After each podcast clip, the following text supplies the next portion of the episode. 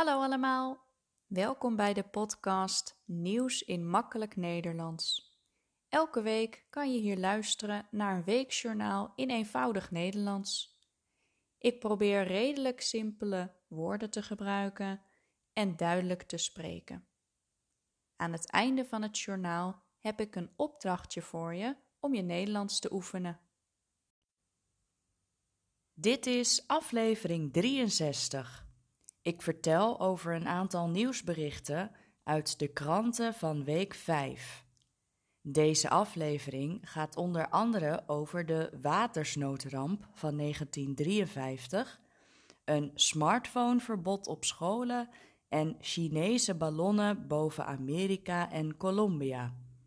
En ik ben een beetje verkouden, maar ik denk dat jullie mij nog goed kunnen verstaan. Deze week was de watersnoodramp 70 jaar geleden. De watersnoodramp was een grote natuurramp in de provincies Zeeland, Zuid-Holland en Noord-Brabant. In de nacht van 31 januari op 1 februari 1953 was er een zware storm en springtij. De dijken braken door en toen stroomde het water de polder in. Het land overstroomde en huizen stonden onder water. 1836 mensen zijn die nacht verdronken. Ook gingen de huizen kapot en verdronk het vee, dus bijvoorbeeld de koeien. Het was één grote ravage. De tijden waren anders dan nu. Mensen hadden geen smartphone. Er was weinig informatie over de storm. Daarom bleven veel mensen die nacht thuis. Ze wisten niet wat er zou komen. Toen de dijken braken, was dat voor de meesten een verrassing. Sommige mensen verloren die nacht tientallen familieleden. Niet alleen in Nederland overstroomde het land. Ook in België ging het mis en in Engeland. In die landen vielen enkele honderden doden. Hoe kon dit gebeuren? Nou, we waren niet goed voorbereid op zo'n ramp. In 1953 was Nederland druk bezig met de wederopbouw Wederopbouw betekent dat de huizen en gebouwen opnieuw werden gebouwd na de Tweede Wereldoorlog. Er was niet zoveel aandacht voor het water en de dijken. Men wist wel dat die te laag en te zwak waren, maar er was geen tijd en geld om ze te versterken. En toen ging het dus mis. Na de watersnoodramp kwam er het Deltaplan. Dat is een systeem van dijken en dammen die het land beschermen tegen hoog water. In 1997 was het Deltaplan klaar. Op 1 februari 2023 organiseerden het Watersnoodmuseum en de gemeente Schouwen-Duiveland een nationale herdenking. Schouwen-Duiveland is een van de Zeeuwse eilanden en op dit eiland was de ramp het grootst. Er was een aantal sprekers, bijvoorbeeld de burgemeester, de kinderburgemeester en mensen die de watersnoodramp hebben overleefd. Daarna werden er kransen gelegd. Kransen zijn van die ronde dingen met bloemen en linten.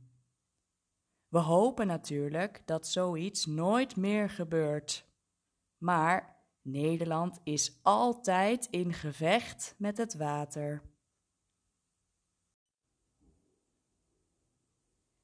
Er komt misschien een smartphoneverbod op scholen. Kinderen mogen hun smartphone dan niet meer meenemen in de klas. Leerlingen die hun telefoon in de klas gebruiken, kunnen zich moeilijker concentreren op hun schoolwerk. Nu mogen scholen hun eigen regels maken. Maar de scholen zeggen dat het moeilijk is. Daarom willen ze dat de politiek in Den Haag regels maakt.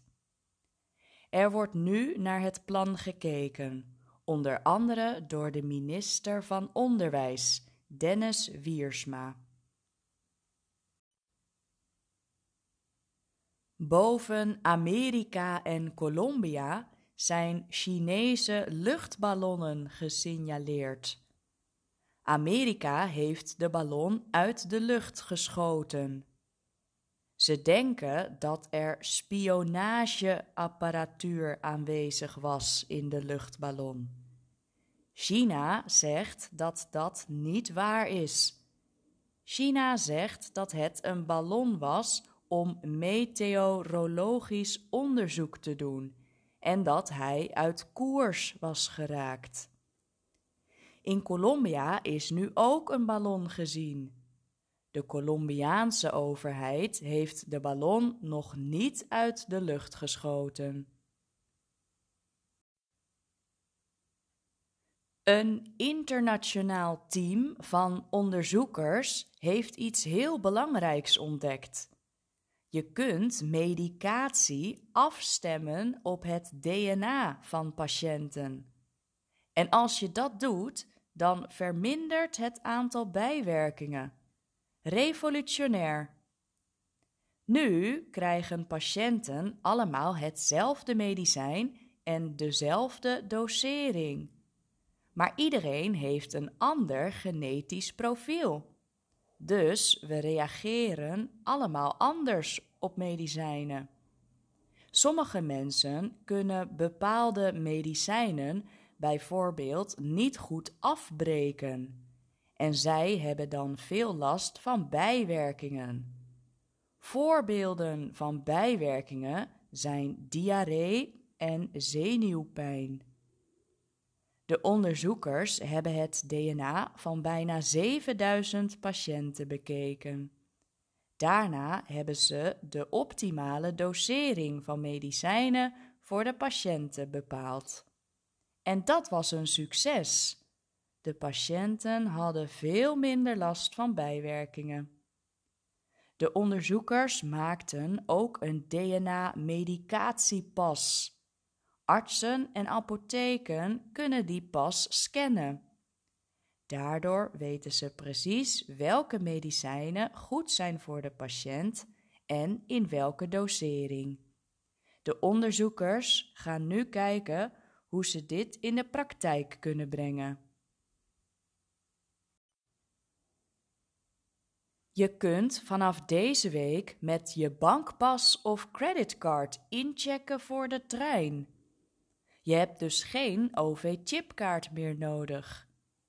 Je kunt ook met Apple Pay betalen of met Google Pay.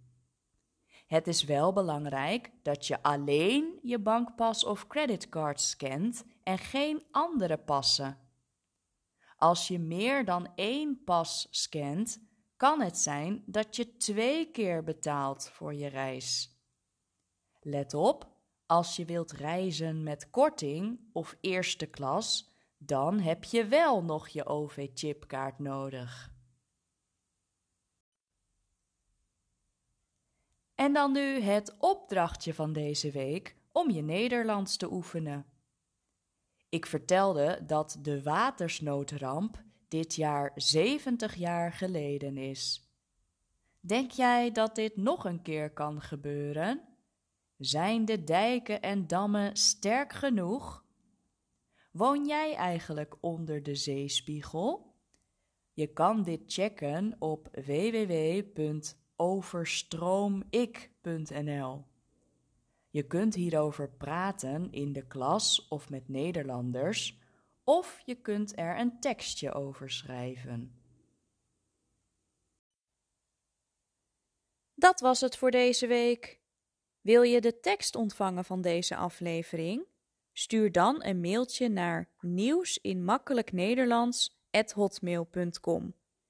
Bedankt voor het luisteren en tot volgende week.